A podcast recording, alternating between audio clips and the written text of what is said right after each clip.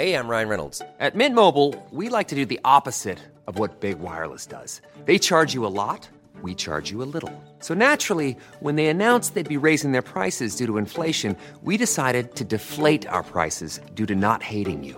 That's right. We're cutting the price of Mint Unlimited from $30 a month to just $15 a month. Give it a try at mintmobile.com slash switch. $45 upfront for three months plus taxes and fees. Promote for new customers for limited time. Unlimited more than 40 gigabytes per month. Slows. Full terms at mintmobile.com. As a person with a very deep voice, I'm hired all the time for advertising campaigns. But a deep voice doesn't sell B2B, and advertising on the wrong platform doesn't sell B2B either. That's why if you're a B2B marketer, you should use LinkedIn ads. LinkedIn has the targeting capabilities to help you reach the world's largest professional audience. That's right, over 70 million decision makers all in one place. All the big wigs, then medium wigs, also small wigs who are on the path to becoming big wigs. Okay, that's enough about wigs. LinkedIn ads allows you to focus on getting your B2B message to the right people. So, does that mean you should use ads on LinkedIn instead of hiring me, the man with the deepest voice in the world? Yes. Yes, it does. Get started today and see why LinkedIn is the place to be to be. We'll even give you a $100 credit on your next campaign. Go to linkedin.com slash results to claim your credit. That's linkedin.com slash results. Terms and conditions apply.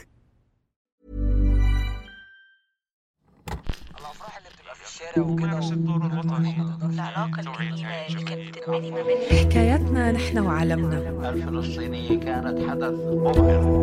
وقصص. وصلنا إلها بفضولنا الشخصي. كانت حدث مهم. مهم بس بصوتنا ورؤيتنا. كل نواحي القصة. مسافات. مسافات. مسافات. برنامج مسافات. قصص يقودها الفضول. من إنتاج شبكة Kerning Cultures ما بعرف قد إيه فينا نقول إنه مكتوب دولة عربات ب 100 محل. تحذير ممنوع الدخول تحت طائلة المسؤولية. هلا بنشوف. يعني حتى هو المسافات الصغيرة كلهم مسكرينهم.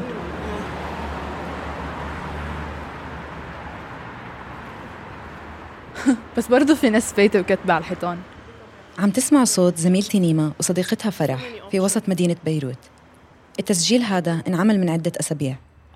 أوكي معمرين حيطان على ابواب المسرح وعلى راس الحيط فوق الحيط في آه سمنت وقطع أزاز آه ملزقينهم كرمال ما يقدر حدا ينط فوق الحيط. بلا ما يجي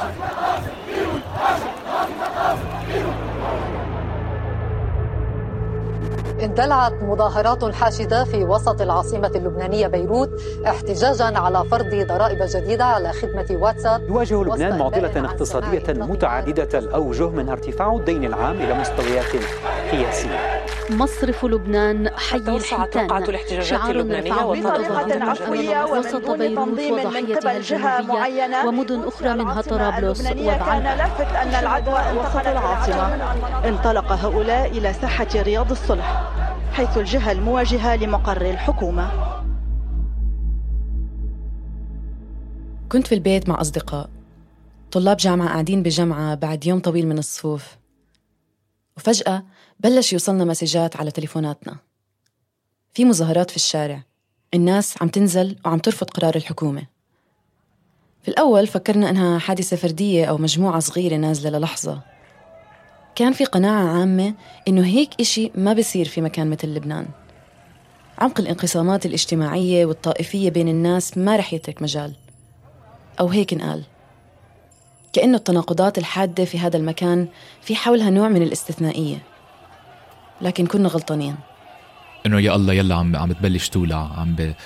شكله ما بعرف العالم عم تبلش تتحرك العالم عم تنزل تتظاهر. بس ما كنا عارفين قد إيه بوقتها آه، يعني شو كان عم بيصير. ما كنا عارفين آه، مدى هالحراك أو مدى هال- هالمظاهرات وين عم توصل. هذا فراس حيدر مصور ومخرج وصحفي عايش في بيروت. فراس كان متظاهر وكان من اللي ساعدوا في توثيق الأحداث على الأرض من البداية في هديك الفترة. كان يوم 17 أكتوبر أو تشرين الأول 2019 انهيار الليرة اللبنانية كان لسه في أوائل مراحله. وطلع خبر إن الحكومة بتخطط لفرض ضريبة على استخدام تطبيق الواتساب. الحصول على حقوق بسيطة زي المية والكهرباء أصبح مكلف ومعقد أكتر. الجو كان مشحون في اليوم ده. الناس غضبانة من سخافة محاولات الحكومة إنها تحملهم عبء عقود من السياسات الاقتصادية الفاشلة اللي اتفرضت عليهم من بعد الحرب الأهلية. مثل كتير ناس اليوم الثاني 18 تشرين الأول نزلنا على الشارع كلنا باتجاه واحد لوسط البلد في بيروت. كان من أجمل الأشياء اللي شفتها لأنها كانت استعادة حقيقية بكل معنى الكلمة by the book يعني بكل الأشياء اللي تعلمناها هي أكثر منها للمساحة العامة. أول شيء لما الناس فاتت مثل ما حكينا شفنا أنه عندهم آه، آه، آه، مسافة في بيناتهم وفي كراهية وفي نقمة على هاي المنطقة. فصار في تكسير صار في تكسير وكان كان من أجمل الأشياء اللي عم تشوفي أنه عم بكسر شيء لأني أنا بحياتي ما قدرت أستخدمه. فإلي حق أنا كسره وهيدا هيدا ملكي. هذا صوت جنى نخال مخططة مدنية وطالبة دكتوراه في التخطيط المدني والسوسيولوجيا. طبعا ما كان في أي نوع من التنظيم السياسي اللي دفع الناس لتنزل غير شعور جماعي بالقهر والغضب. كان كل إشي عفوي. سيارات عم بتزمر زبالة وعجال عم تحترق في كل زاوية وأفواج من الناس. أولها عشرات بعدين مئات وبعدين آلاف من الشباب والكبار والصغار في مسيرة عشوائية للبلد. الهدف بكل صراحة ما كان كتير واضح غير إنه الناس كانت نازلة لتعبر عن غضبها على أبواب الدولة حكومتها في المنطقة اللي انحرم منها الشعب لسنين. لما قامت موجة ثورية في لبنان في 2019 كانت بتطالب بحقوق المعيشة الكريمة وبتناهض الفساد والطائفية. لكن بجانب المطالب اللي كانوا الناس بيهتفوا بيها كان في صراع تاني بيظهر على الأرض صراع على المساحة. على المدينة نفسها وحق سكانها في شوارعها ومبانيها وبالتحديد حقهم في منطقة وسط البلد. من بعد الحرب الأهلية وسياسات إعادة التعمير حولت وسط البلد لمكان موحش مفيش مكان لأغلب سكان المدينة فيه. في 2019 ولمدة قصيرة قدروا الناس يختبروا معنى إن يكون وسط البلد ملكهم ومكان بيجمعهم. بس الصراع على المدينة ما زال مستمر. أنا هبة عفيفي وده برنامج مسافات. منتجة حلقة النهاردة دينا سالم.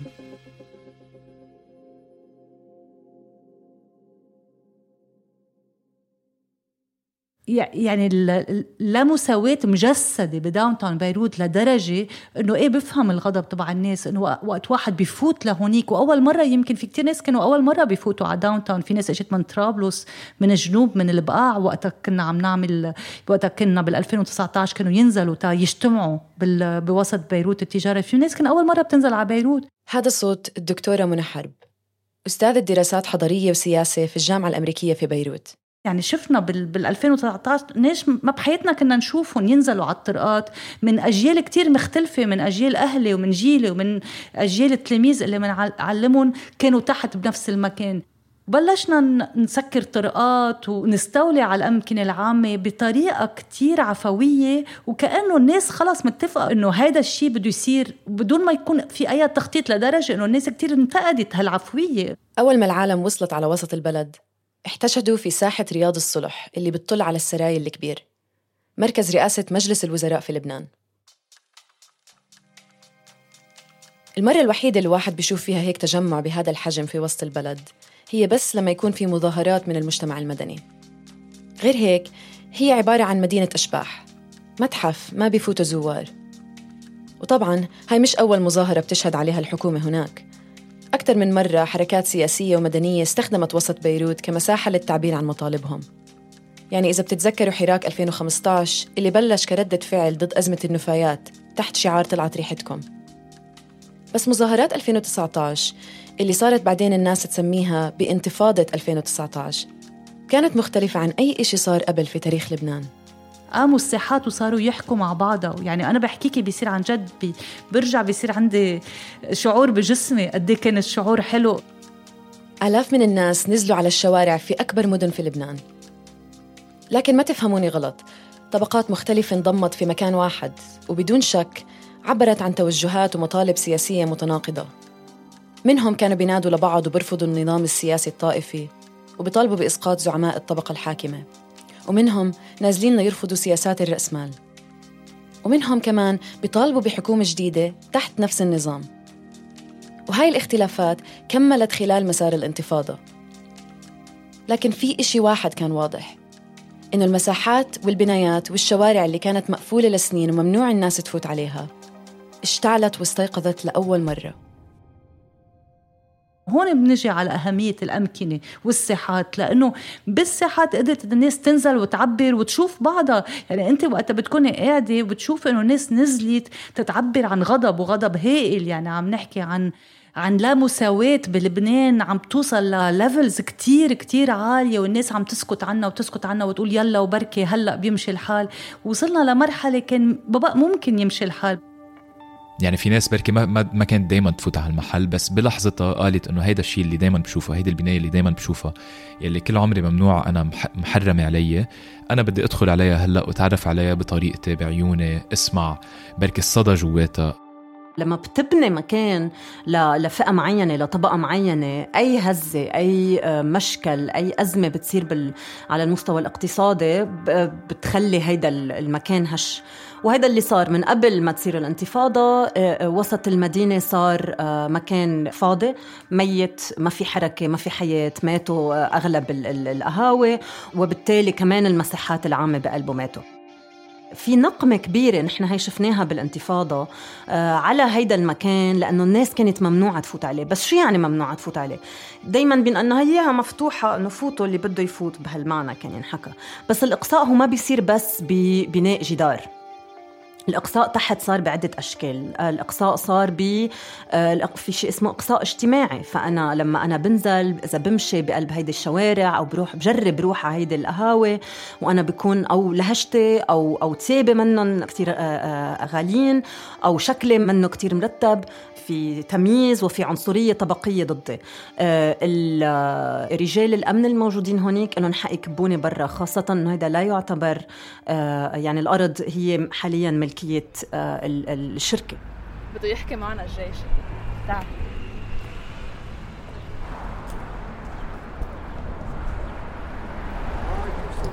أهلا. معكم تصاريح تفوتوا الجنود؟ بدنا تصاريح لنفوت على المسرح؟ لشو عم تصوروا؟ ما عم نصور عم نسجل أصواتنا بس. شكرا عنكم. أهلا وسهلا بالصبيه يعني هلأ فينا نفوت ولا لأ؟ خلص بعده لأ. عملوا البقوا إياه. حدا وقفوا طريقكم؟ والله على أساس أنت بعتت حدا يطلعنا. إيه صراحة أنا بعت الشاب لحتى لا أعرف مين في جوا بس إيه بس لنعرف إذا سألونا تحت شو بدنا نحكي بس.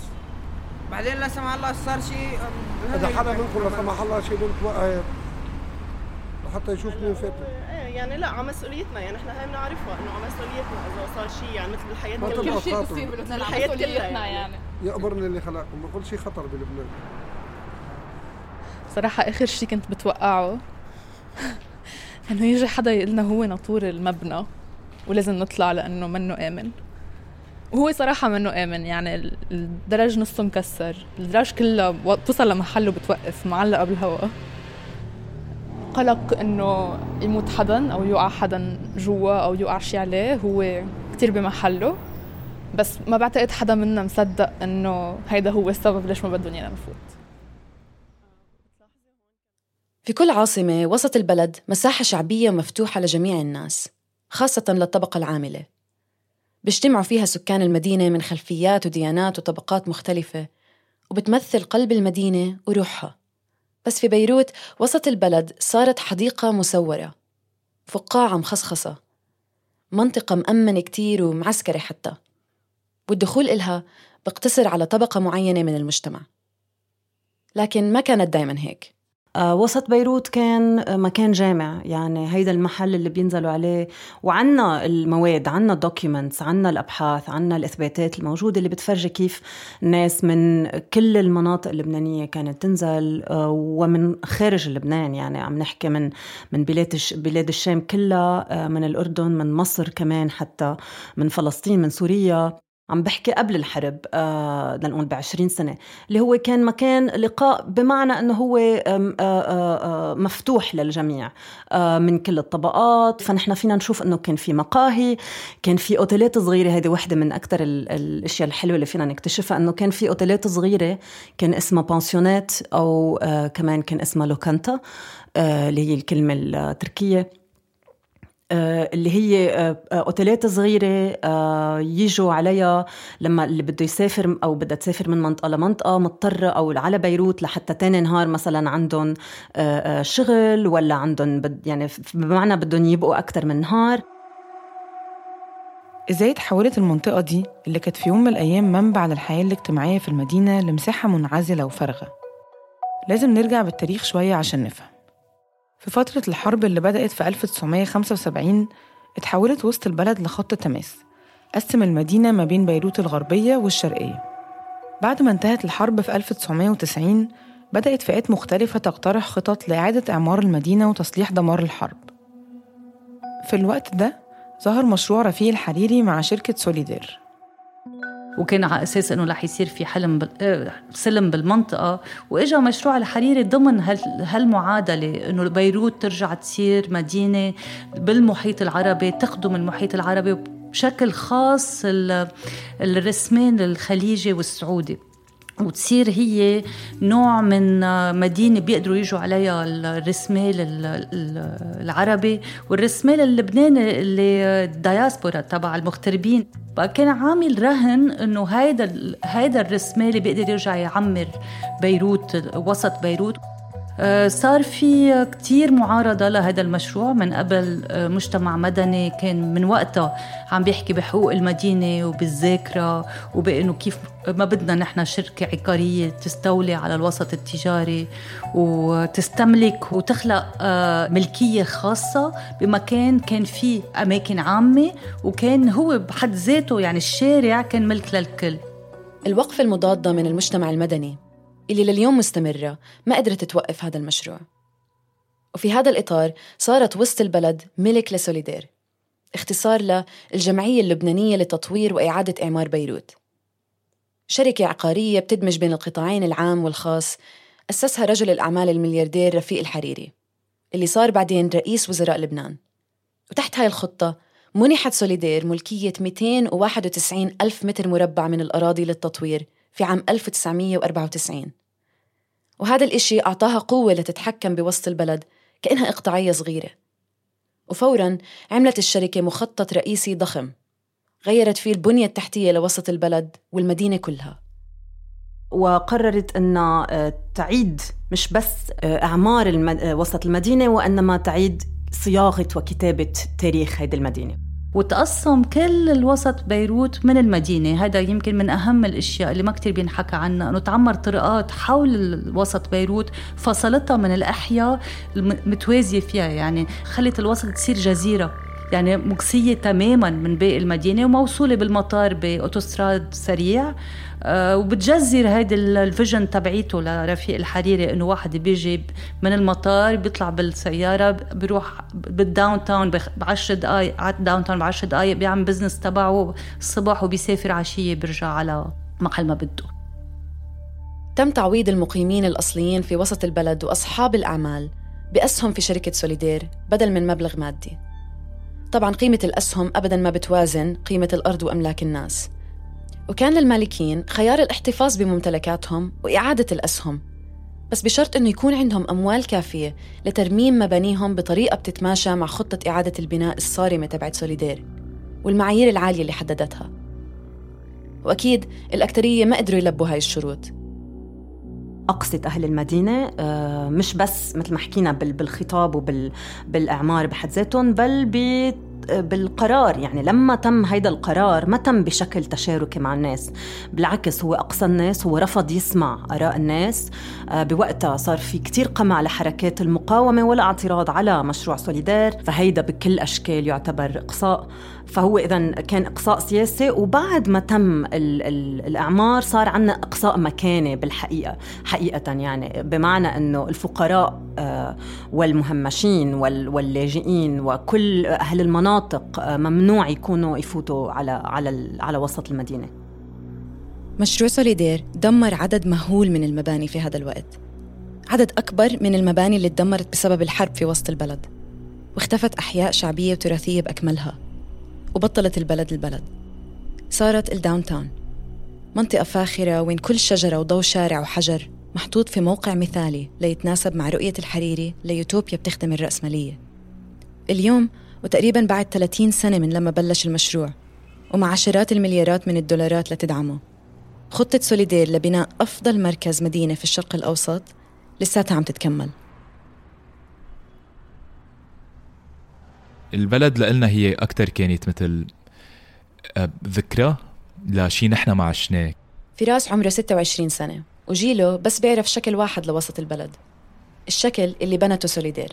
آه، فأكتر كنا عم نجرب نتذكر إنه هيدي بيوم من الأيام كانت مساحة عامة كانت تنزل كان ينزل الشعب والطبقة العاملة يقعدوا فيها آه، ويتبضعوا ويعيشوا حياتهم بلا ما يضطروا يعني يدفعوا كبدهم على على الموضوع يعني. فلإلي شخصيا كانت أكتر بس إنه ذكرى عم بجرب آه، احترمها بس أنا شخصيا ما عشتها. إذا أي شخص بفوت على وسط بيروت رح يلفت نظره أشياء معينة. الجو المقفر والهادي والإحساس بأنك خرجت من المدينة لمنطقة جديدة. رجال أمن في كل مكان مزيج غريب من التصميم الحضري اللي بيحاول يدمج الطراز الفرنسي الاستعماري مع الطراز الشرقي. مباني قديمة وآثار تاريخية في محاولة للحفاظ عليها بطريقة لا تمت بصلة لمجدها الأصلي. ناطحات سحاب وبنايات مليئة بالاندفاعات المبهرجة من المهندسين المعماريين المشهورين اللي صمموها. شكلها يعني ما بيختلف عن أي مدينة أوروبية.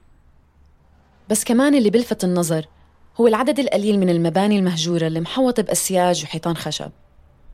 هاي البنايات مبينة لكنها مش داخلة ولا مندمجة مع محيطها. تحمل آثار 15 سنة من حرب أهلية مرت فيها لبنان. جالسة بمحلها كأثار محاطة بضباب من الغموض وعلقانة بالزمن دون أي علامة على أي محاولة لإعادة ترميمها أو بنائها. والمدينة كتير فيها هالأماكن الميليترايز وكتير منها هن أماكن مهجورة. يعني أماكن كان تلعب دور أو بالحرب الأهلية أو بعد الحرب الأهلية. عم فكر أنا وعم بحكيكي بكتير أماكن وقت الاحتلال السوري كان بلبنان. كل الأمكنة اللي كانوا يعذبوا فيها يعني يلقطوا فيها الناس ويعذبوهم فيها. منى عم تحكي عن الاحتلال السوري للبنان من عام 1976 ل 2005 آه، هول المباني كمان اخذها الجيش ومسكرها وهن كمان معالم في واحد يعتبرها تاريخية لأنه بتلحظ عن تاريخ معين. بقى كتير صعب تفوتي عليها. وللأسف هيدا لنرجع لفكرة أنه سياسة الدولة بتخطيط الأراضي وبتطويرها هو آه، دعم السوق العقاري ودعم المضاربات والسماح بالمضاربات. يعني أنا هلأ ما عندي مش أنه الناس منا عارفة شو بدها تعمل بهالمباني. الناس أو الشركات الكبرى عم بتضلها تبيع وتشتري وتعمل مضاربات بهيدي المباني لحتى تضل تاخذ سعر أعلى. وبالآخر تعمل بروجكت يا أما تطورها تدمرها آه الخ فتحويل الأرض لسلعة هو اللي حول حاليا هيدي المباني لمباني فارغة. نتيجة خطة سوليدير كان نوع من محو الذاكرة من خلال سياسة الردم والإقصاء. ذاكرة الحرب ذاكرة المدينة وسكانها ذاكرة أي إشي حالياً ما بيخدم رأس المال. وبالتالي خلق شعور نسيان جماعي في محل لسه جروح الحرب مفتوحة فيه. نحن ما صار عنا بلبنان اللي بنسميه transitional justice يعني نحن ما قعدنا مع بعض وقلنا شو صار بالحرب. خلينا نحن نحكي بأسباب الحرب نتعلم من الحرب ونرجع نبني يعني آه، بلد جديد على أسس اجتماعية جديدة. ما صار هالشي أبدا. يعني أمراء الحرب رجعوا قعدوا مع بعض بالبرلمان شلحوا تياب الحرب لبسوا تياب مدني وفاتوا على البرلمان وبعدهم لهلأ عم بيحكمونا يعني دمار أثر الحرب منه دمار آه، اعتباطي. استعملت كلمة ممنهج بدنا نحن نمحي ذكرى الحرب. وهلأ مثلا إذا بتشوفي شو عم بيصير من بعد انفجار بيروت انفجار البور في عنا هونيك كمان ال silos تبع البور مبنى آه تعمر بالستينات. بعده قايم وهو ذكرى لهالانفجار هلا عم بينحكى إنه بدنا ندمر ال silos تبع تبع المرفأ وقايمين عليه الجمعيات تبع أهالي الشهداء اللي توفوا بالانفجار تبع البور اللي استشهدوا بالانفجار. لأنه كمان هيدي ابيزود تاني من محي ذاكره جريمة قام فيها النظام. الأسبوع ده بيعيش أهل بيروت واللبنانيين في كل مكان. الذكرى التانية لانفجار أربعة آب. لما فجأة ولعت حريقة في ميناء بيروت. أدت لانفجار مهول نزل بموجة من الدمار على المدينة وأهلها. مات في الانفجار 218 شخص غير الآلاف غيرهم اللي اتصابوا أو فقدوا بيوتهم وأصبحوا بيواجهوا مستقبل مخيف ومجهول. أحياء قديمة وتاريخية كاملة اتدمرت وسكانها اللي أغلبهم الطبقة العاملة اتسابوا من غير أي وسيلة يقدروا بيها يعيدوا بناء حياتهم أو بيوتهم. حدث كارثي لسه آثاره محسوسة وحية في كل أنحاء المدينة وحياة سكانها. رجع صور الحرب والدمار لذاكرة اللبنانيين وتعاملت الدولة معاه تماما زي ما تعاملت مع آثار الحرب. بس الممارسة هي ذاتها آه، لإخفاء الذاكرة. بإطار إدارة الأراضي آه، نحن بدنا نفرجي صورة وحدة نحن بدنا نفرجي صورة ملمعة منظفة مرتبة للمدينة للسياحة آه، كله لبرا. فإنه خلينا نشيل هيدا الشيء نضبضب هالوسخ نضبضب هالدمار نمحي هال silos لأنه إذا بتمرق من هونيك grandeur كبر وحجم وال silos بحد ذاتهم الأهراءات وحجم الانهيار وحجر الدمار والتفجير اللي صار. آه، آه، السايلوز هن أو الأهراءات هن آه، كتير معبرين. الحكومة اللبنانية عم بتعرقل محاولات التحقيق في الحادثة وبتخطط لإزالة آثار موقع الانفجار قبل ما يتحاسب المسؤولين عنه. الأولوية الحالية وهيدا الإثبات تبعه هو القانون. الدولة أصدرت قانون يعنى بالمناطق المتضررة من تفجير المرفأ بس الدولة قررت أنه ما بتهم هالمناطق. آه، في كمان أنه هيدا القانون بيسمح لشركات خاصة الكبرى ولسوليدار بأنه هي تقدر تبيع وتشتري وتطور بهيدي البيوت بأصعب وقت يعني بالوقت اللي الناس ما بقى عندها شيء فالناس بتصير مستعدة تبيع. بعد الفاصل بعض بنايات الحرب باقية رغم كل محاولات المحو. نكمل مع دكتورة منى حرب أستاذة الدراسات الحضارية والسياسية. إذا أنت ما بدك تحافظي على الإرث الحضري اللي تهدم كمان بتكوني عم تمحي هيدي الذاكرة وبقى هول البنايات اللي فضلوا لأنه ما قدرنا نهدمهم لأنه هيدي السلطة والنظام ما قدرت تهدمهم. They're very interesting traces of the war. باقيين كأنه رغم كل شيء بعدهم قايمين بالبناية بالمدينة. عندنا نحن آه، كمان قانون بيخلي إنه الملك الخاص هو ملك سيكرد يعتبر إنه هيدا إنه ما حدا المفروض يدق فيه بقى. ما عندنا دولة بتستملك. يعني ما إجت الدولة وقالت أنا رح استملك الهوليداي ان و Hey, I'm Ryan Reynolds. Recently, I asked Mint Mobile's legal team if big wireless companies are allowed to raise prices due to inflation. They said yes. And then when I asked if raising prices technically violates those onerous two year contracts, they said, What the f are you talking about, you insane Hollywood ass?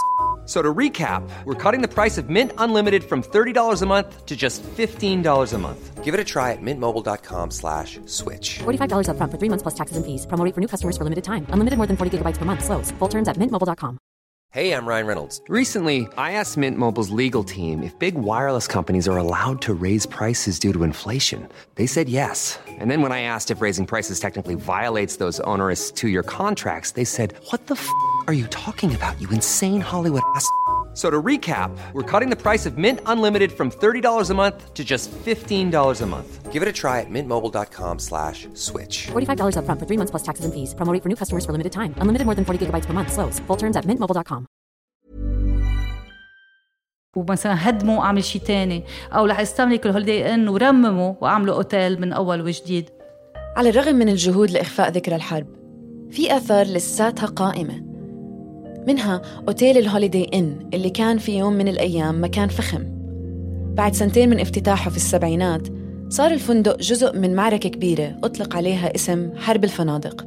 حشدت هاي المعركة حوالي 25 ألف مقاتل من الجوانب الحربية والمعركة هاي قتلت أكثر من ألف شخص وأدت إلى إصابة ألفين. اليوم الفندق واقف بمحله مع كل جراحه وقصصه. اللي بتوصفه منى هو قانون بيخلق طريق مسدود. يعني كتير صعب على الدولة إنها تمس بالأملاك الخاصة حتى لو كانت مهجورة ومش مستخدمة لسنين. ومثل كتير من المباني اللي لاقت نفس المصير عالق فندق الهوليدي إن في مأزق قانوني بعرقل أي خطة هدم أو إعادة إعمار. فتحول لقاعدة عسكرية. أو بالأحرى ساحة انتظار للمركبات العسكرية الراكدة. بنص البلد التجاري. بس في سياق سياسة تسليع الأرض كتير صعب نتخيل طرق لإعادة بناء واستخدام هاي البنايات بطريقة بتخدم المجتمع واحتياجاته. ما فينا نجي نقول مع هالتناقض إنه فينا نخلق هيدا الشيء آه، فهيدي المساحة يلي كان المفروض تكون عامة وللشعب رح تصير مساحة للي قادر يدفع 10000 أو 20000 أو 300000 شو ما كان سعر الدخول. آه، وأول ما نحط تسعيرة معينة هال هالأمكنة بتبطل للشعب بتبطل للطبقة العاملة بتبطل لأغلبية الناس. في بداية المظاهرات في 2019 أول إشي عملته الناس إنها اقتحمت بنايات مشابهة لل Holiday Inn خاصة المباني الموجودة في قلب وسط البلد. أولهم كان مسرح ال Grand Theatre اللي افتتح في عام 1929 واستضاف حفلات كبيرة للراحل عبد الوهاب وأم كلثوم. بيقولوا إنه في أيام الحرب تحول المسرح لسينما بتعرض مواد إباحية لعناصر الميليشيات اللي احتلته. وبعد الحرب اتسكر المسرح وانترك ليدبل شوي شوي مع مرور الزمن. في إطار مخطط سوليدير تم تجديد الحيطان الخارجية ودهنهم كوهم لعظمته. لكن من الداخل المسرح كان متعفن. وجدرانه بتتقشر وبتتكسر وأصوات الفنانين العظماء اللي غنوا فيه بتطارد أجواءه. ولما الناس فاتت لأول مرة في 2019 ورفرفت الأعلام من شبابيكه صار المسرح جزء من المساحات اللي تم استرجاعها. كأنه فات على البناية بالقوة ضمن هذا ال spirit تبع الثورة اللي يعني ال spirit الثورجي اللي كان إنه أنا بدي أرجع أستولي على هالأمكنة. في كتير ناس نزلوا وقت على الثورة كانوا بدهم يتعرفوا على الأمكنة. كانت أول مرة بننتبه إنه في مبنى هون وهيدا المبنى خرج إنه نحن نعرف شو ماضيه شو كان كيف كان مأثر على حياتنا حياة أهلنا. أم كلثوم ما بتغني إلا لكم كمان مكتوب على الحيط أوكي تعي تعي شوي. هون كان مكتوب بدنا علم وخبز ومسرح. بتتذكريها محل ما مخربطينه في حدا محيها بالأسود. بس أنا بتذكرها لما أنا جيت صورتها بوقتها حسيت إنه هالجملة آه ما بعرف. إنه غير عن غير عن الشعارات اللي مكتوبة على كل الحيطان. آه لأنه المسرح تحديدا هذا المسرح ما كان موجود قبل الثورة. يعني ما كان موجود براسي. مثل كثير أشياء بداون تاون على فكرة كثير أشياء ببيروت. لأنه أنا ثاقبت إنه أول سنة جامعة بنزل فيها على بيروت. هي 2019 سنة اللي بلشوا فيها المظاهرات. فكل شيء تعرفت عليه ببيروت لأول مرة. تعرفت عليه بهيدا الجو بجو العجقة والمظاهرات والاعتصامات والصريخ والأغاني واليافطات. ف هيدي أول صورة انطبعت براسي. فكتير غريب إنه هلأ أشوف المحل فاضي. الأغرب حتى إنه يجي حدا يشحتني. كمان وحدة من هدول البنايات معروفة عند سكان المدينة باسم البيضة. مبنى اسمنت وحشي مرفوع عن الأرض بأعمدة خرسانية.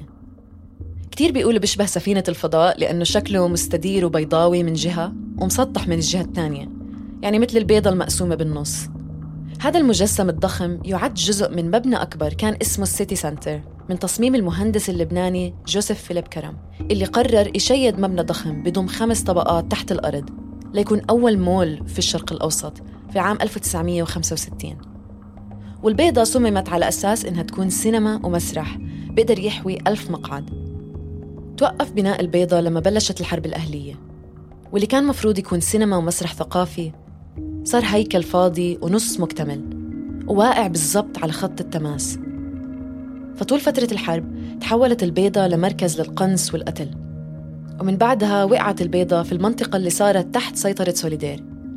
فتسكرت وتحوطت بحيطان معمولة من الخشب. ممنوع الدخول عليها ووجودها بس بنحكى فيه كوحدة من معالم المدينة اللي ناس بطلت حتى تنتبه عليها. غرقانة بسياسة محي الذاكرة. لكن في 2019 ولفترة قصيرة تغير هذا الإشي وصارت البيضة من ضمن الساحات اللي رجع فيها حياة. هلا السياج كان معمول من من خشب أو من من كرتون أو قاسي فما كان صعب كسره. آه بس كان في النية إنه ينكسر. فالعنف بلحظتها بوقتها كان إنه في هيدا الشيء بوجهي يلي عم بيوقف بيني وبين شيء أنا بدي بدي إياه أو أنا بيني وبين مبنى أنا بدي أدخله. والطريقة الوحيدة لإلي إنه أدخله هو اكسر هيدا هيدا الحيط أو هيدا السياج. وصف فراس للعنف والغضب دقيق كتير. بتذكر المنظر كأنه كان امبارح. شباب وبنات بكسروا بفكفكوا الجدران اللي حوالين البيضة بدون خوف أو تردد. فوضى عائمة. كنت واقفة مع مجموعة ناس بالساحة المقابلة للبيضة اللي تحولت لمصف سيارات تحت خطة إعادة البناء تبعت سوليدير من جهة في ناس عم تحرق عجال وسيارات وناس لابسة أقنعة على مطارات بتلف وبتدور حولنا. ومن جهة تانية ناس عم بتفوت على البيضة. الشرطة وأجهزة مكافحة الشغب كانوا بس واقفين على جنب بيستنوا أمر قبل ما يتدخلوا. بس كان في إشي ما كنا مستوعبينه في هداك اليوم. إن العنف والغضب اللي عبرت عنه الناس في هديك اللحظات كان بداية لإشي أكبر. عن جد تم الاحتلال على هالمباني وبوقتها صارت العالم تفوت عليهم آه، بشكل يومي يعني. آه، وتعمل شغلها فيهم. يا كان بدها ترتاح يا كان بدها تتظاهر يا كان بدها بمحلات إنه يتحدثوا ويتنظموا عن كيف بدهم يعملوا تظاهرتهم الليلة. البيضة كمان تحولت لمساحة استراتيجية لمجموعات معينة. أكتريتهم طلاب وشباب. للاستراحة وللحماية والتخباية من أجهزة أمن الدولة وعنفها وقمعها للمظاهرات. وفعليا أنا وكتير طلاب جامعة قضينا كتير وقت في قلبها لأنه كمان تحولت البيضة لمساحة للتعبير لكتير من الشباب. يعني بتذكر في يوم من الأيام في مجموعة صغيرة عرضوا أفلام محلية على شاشة صغيرة. ومرة تانية سمعت عن حفلة صارت في البيضة مع عشرات من الناس بترقص داخل المبنى في ساعات متأخرة في الليل. بالأول كان في بس يعني الفوتة بحد ذاتها كانت هي الهدف. لما فتنا عليهم وبس قدرنا نتمشى فيهم. يعني أوصل أنا بعد نهار من إنه نكون عم نهرب من من الغاز المسيل للدموع أو بعد نهار نكون عم نهرب من مكافحة الشغب. آه اجى الصبح أو بعد الظهر فوت على ال Grand Theatre أو على الاج وبس أقعد هونيك. أنا وعم بحضر حالي نفسيا للمواجهة الجاية آه بالليل. آه كان شعور حل... كان شعور حلو لأن كان فينا نحن ب يعني by our own terms يعني نقرر أمتين بدنا نفوت وأمتين بدنا نطلع وشو بدنا نعمل جوا. صار مفهوم الملكية الخاصة إشي هش بحد ذاته وما وقف الناس من دخولها على هاي المساحات. وبيوم وليلة تحول قالب البيضة من مكان مهجور وموحش لمكان بيجمع الناس ليتحدثوا ويتناقشوا ويتشاوروا. وأساتذة الجامعة بلشوا يدرسوا حصصهم جواتها وحيطان البناية صاروا لوحة فنية ملانة رسومات ونصوص جرافيتي. حتى إنه الناس وصلت لأعلى نقطة في البناية. تسلقوا على درج قديم ومصدي ليوصلوا فوق على سطحها المدور اللي بيطل على وسط البلد بأكمله وكمان على البحر. لما يكون في حشود بقلب على الأرض مش عم بيساعوا بقلب الساحة. كان في عالم تطلع على هالمباني وتتظاهر من هالمباني. أو ترسم جرافيتي على هالمباني أو تطلع شعلة تعمل flare على هالمباني. فصاروا هن كمان جزء من هال من هالحراك. صاروا جزء من هال صاروا معالم. كثير رسائل حب على على حيطان الاج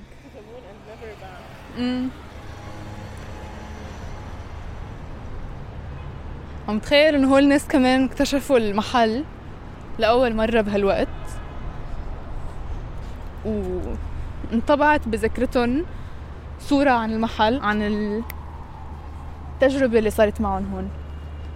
إن كان إنه عملوا مشكل أو طلعوا بشعر جديد أو رسموا يافطة أو إنه باسوا حدا. في شي صار هون بالمحل لأول مرة اللي هو مفروض إنه مكان عام للكل وانطبع بذكرتهم. وهلأ بطل عندهم بطل لهم الوصول عليه. حاسة فعليا الشيء الوحيد يلي بأكد لي إنه هول الذكريات يلي براسي مش أنا اخترعتهم هو القصص اللي على الحيطان.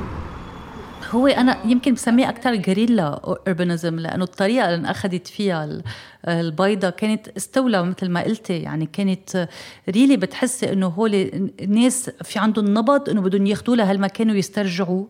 وقعدوا فيه وصاروا إنه صاروا يلونوه ويكتبوا عليه وعملوا حفلات فيه وصاروا ينظموا يعني هيك دورات في يعني نقاشات وسينما حتى استعملوه. الجوريلا أوربانيزم اللي بتوصفها منى هي أنشطة غير منظمة وغير متوقعة أو مصرح فيها. بيعملوها نشطين في مساحات حضرية كمثال البيع غير مصرح فيه في الشوارع الكتابة على الجدران البستنة في مساحات عامة والعيش في بنايات مهجورة ومسكرة. بقى هذا نوع من guerrilla urbanism اللي هو يعني أنا بتمنى يكون موجود كتير أكثر بالمدينة والناس تكون كتير قدرانة أكثر تستولي على أمكنة عامة أو أمكنة متروكة فيها تستولي عليها ما عم بيصير فيها شيء وينعمل أكثر هالنوع من squatting ال guerrilla urbanism اللي الناس طالب بحقوقها بالمدينة كتير أكثر بس الموضوع صار أكبر من البيضة ومسرح ال Grand Theatre وهاي البنايات المهجورة. الشوارع والساحات كلها انتعشت وتحركت من وراء وجود الناس. وشوي شوي ومع تقدم أحداث 2019 لانتفاضة شعبية الساحات المحيطة بالبيضة بلشت تشبه وسط البلد القديم. مع أسواق وأكشاك وخيم بتوزع أو بتبيع أكل على العالم وبتحمي نقاشات سياسية واجتماعية في كل زاوية. ويوتوبيا الرأس مال اللي تصورها الحريري اندفنت تحت صوت الناس وإعادة تشكيلهم لهاي المساحة لإشي بيقدر يخدم الكل.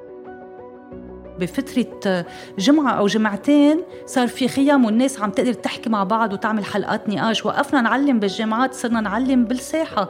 يعني نزلنا صفوفنا وتلاميذنا كلنا على الساحات بشكل كتير عفوي. بقى هذا الشيء كتير بيعطي روح وأمل إنه الناس بدها تقعد مع بعض بدها تتعرف على بعض بدها تتواصل مع بعضها وتحكي مع بعضها. وهي يعني من الحرب الأهلية ومن بعد الحرب الأهلية ما صار في سياسات تتقرب الناس من عن بعض. ما صار في أي سياسات تجمع الناس بالعكس يعني كرست الإقصاء اللي صار بالحرب الأهلية وال والديفيجنز اللي صاروا بالحرب الأهلية بسياسات إعادة الأعمار وبسياسات المدنية بشكل عام يعني. في أي حركة شعبية غير منظمة في اختلاف بالمصالح والمطالب؟ وطبيعي كمان يكون هناك في خلاف حول كيفية تنفيذ أساليب المقاومة. بديش أوحي لكم إنه كان هناك في اتفاق كبير حول كيف كانت الناس تستخدم هاي المساحات والمباني أو إذا هي عن جد كانت بتفيد الأهداف السياسية للمتظاهرين كلهم. وفعليا كان في احتجاج من فئات من المتظاهرين اللي انتقدوا الوجود الأكاديمي في مساحات ثورية. وكمان بعد هاي الأنشطة اللي بتقتصر على طبقة معينة أكتريتها طلاب من جامعات خاصة عن الأهداف العملية اللي الشعب كان بيطالب فيها. تحولت البيضة بحد ذاتها كمان لمكان للنقاش بس للأسف كان مكان شوي آه، آه، يعني مختلف عن الآخرين فكان شوي إليتست كان شوي نخبوي. بس هيدا الشيء ما بيمنع أنه كل هيدي الأمكنة مع بعضها شكلت بمجموعة أمكنة متنوعة وأمكنة مفتوحة لكل الناس إذا بدك من كل المناطق تقدر تنزل وتكون عم تتفاعل تكون عم تحكي. عادة المساحات العامة هي المكان الأساسي للحراك السياسي لأنه العالم ما بتتظاهر بالمباني ولا بتتظاهر ببيوتها. فالحركة السياسية آه، شكل المكانة بيكون بالساحات العامة. بالانتفاضة من أجمل ما شفناه ومن أجمل ما شيء, شيء أنا شفته لأنه خاصة أنا من الليسانس بشتغل على المساحات العامة آه، كانت أول مرة منشوف تحركات بهالطبيعة. فما بنسى المناظر ما بنسى الناس قاعدين من كل المناطق آه عم يستخدموا المكان مثل ما هن بدهم مبسطين جايبين كراسي عم بيأرجلوا قاعدين عم بيتحدثوا عم يلعبوا ورا تحول لمكان آه آه اكتشفنا إنه الناس بحاجة له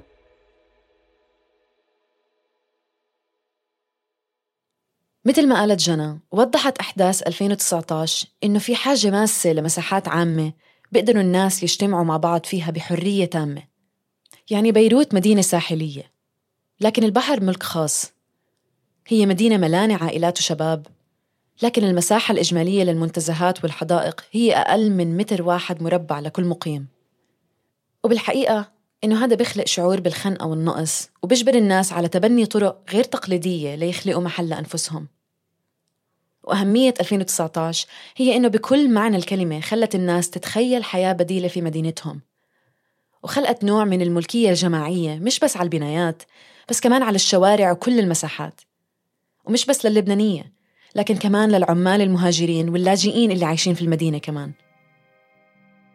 بوقتها لأول مرة حسيت إنه في عندي علاقة مع هالمدينة بتتخطى بس آه أصولي أو إنه وجودي بهالمدينة كل حياتي. بوقتها حسيت إنه أنا عم بكتب آه تاريخ معين بلحظتها. بركي ما يكون هو التاريخ يلي بغير البلد بس بلحظتها أنا نزلت على الشارع وبنيت علاقة مع المدينة. يعني بتذكر إنه أول مرة نتعاطى مع ناس جايين من خلفيات طبقية مختلفة من خلفيات ثقافية و و و وطائفية وحزبية مختلفة. انفتح نقاش حقيقي لمساءلة عن جد نحن وين وعن جد وين صرنا وعن جد شو هي حقوقنا آه لدرجة إنه في نقاشات أنا ما كنت بتخيل إنه هلأ وقتها إنه أقول يعني الناس هلأ مش رح يهمها تفتح موضوع النقل العام في عندها أولويات بس كانت تنفتح لأنه هالقد الناس بوقتها كان في عطش كتير كبير للحقوق آه علت سقف المطالبات لمستوى ولا مرة شهدناه بلبنان من بعد الحرب الأهلية. انتفاضة لبنان كملت لمدة شهور. كان بيزيد فيهم عنف الدولة وأجهزتها الأمنية كل يوم في كل المدن اللي كان فيها حراك. واجه المتظاهرين صعوبة في التنظيم في ظل الفروقات السياسية والطبقية اللي بينهم. في نفس الوقت كان الوضع الاقتصادي مستمر في التدهور ووصل انهيار الليرة لمرحلة أزمة حقيقية. فوق كل ده كان العالم كله بيواجه وباء كورونا وبحجة السلامة العامة حولت الحكومة وسط البلد لمنطقة عسكرية مؤمنة. بسبب كل ده كان صعب إن الحراك الثوري يكمل ورجعت الدولة استحوذت تاني على كل المساحات اللي اكتسبها الناس في الشهور اللي فاتت. الخيم اتفككت ومثل ما سمعتوا من تسجيل نيما البنايات رجعت تسكرت والحيطان الخشبية انبنت كمان مرة. وصدى أحداث 2019 صار طاغي على المنطقة. شعور غريب من الوحشة والاغتراب استولى على المدينة كلها ورجع يحوط وسط البلد. وأمل إنه ترجع المدينة لسكانها وتخدم الطبقة العاملة تبدد من مخيلة الناس. لما استردينا هذا الشارع صار نحن بوقتها كل خطوة عم نخطيها وكل شغلة عم نعملها هي جزء من تاريخنا الشخصي وعلاقتنا الشخصية مع بيروت. بس فينا نقول إنه مع إنه هلأ رجعنا فعليا رجعنا خسرنا هالأماكن العامة لأن بطلنا على الشارع وبطلنا عم نقدر ندخل على ال Egg بنفس الشكل أو على ال Grand Theatre. مع إنه صار آه يعني صار هالتابو أو صار هالشيء المحرم آه ما بخوفنا بقى. يعني اليوم أكيد إذا حدا ناوي يفوت بيقدر يفوت وبطل يخاف مثل ما كان يخاف قبل. بس مع إنه هالمساحات بطلت لنا مثل ما كانت لنا بوقت المظاهرات وبوقت الثورة. آه بعد علاقتنا فيها علاقة هيك شوي مكينة. وطالما السطو على على بيروت وعلى وسط المدينة بعده قائم وبعده بكامل عزه يعني فينا نقول حتى آه لكن ولا مساحة عامة بقلب بيروت رح تكون لنا يا بدنا نسترجع كل البلد ويا بدنا عن جد نغير كل هالنظام الموجود. يا بدنا نجي نقول إنه ما في شيء رح يكون لإلنا. ما بعرف كثير this is so depressing يعني. مع إنه مش أول مرة بجي بمشي هون بعد مظاهرات. بس أول مرة يمكن لأنه عم حاول فكر بشي اقوله وما عم يطلع معي شيء عم حس إنه كل العالم تخطط يعني. هيدا المكان بطل له هيدي الطبعة براس الناس الموجودة وفكرة إنه أنا بعدني محل علقانة هونيك أه حزينة بس عم تتخيل إنه مثلا بفترة الثورة إذا أنت كنت عم بتجربي تفوتي على دقك بحيلا طريقة ما حدا كان يعني ما حدا كان فكر إنه شو عم تعمل هاي. كان كلهم عرفوا إنه أنت فايتة لأنه لأنه هيدا موقف عم تجربي أنت توصلين وأنا بقدر فوت على دقك بس إنه هلأ لأنه نحن عم نبرم وعم ندور على طريقة لحتى نفوت. كل العالم مستغربة وعم يطلعوا فينا إنه شو عم يعملوا هول. إيه. كرمال هيك أنا حاسة إنه كل الناس تخطط وأنا بعدني علقانه هونيك. لأنه أنا عم فوت لنفس السبب. أنا عم فوت لأثبت إنه في فوت مش بس لأنه بدي سجل. ففكرة إنه الناس مش متقبلة أو مستغربة تعطيني انطباع إنه أنا المأخرة. لازم كمان أتخطى. لازم المحل يبطل يعني لي شيء لأنه بطل إلي.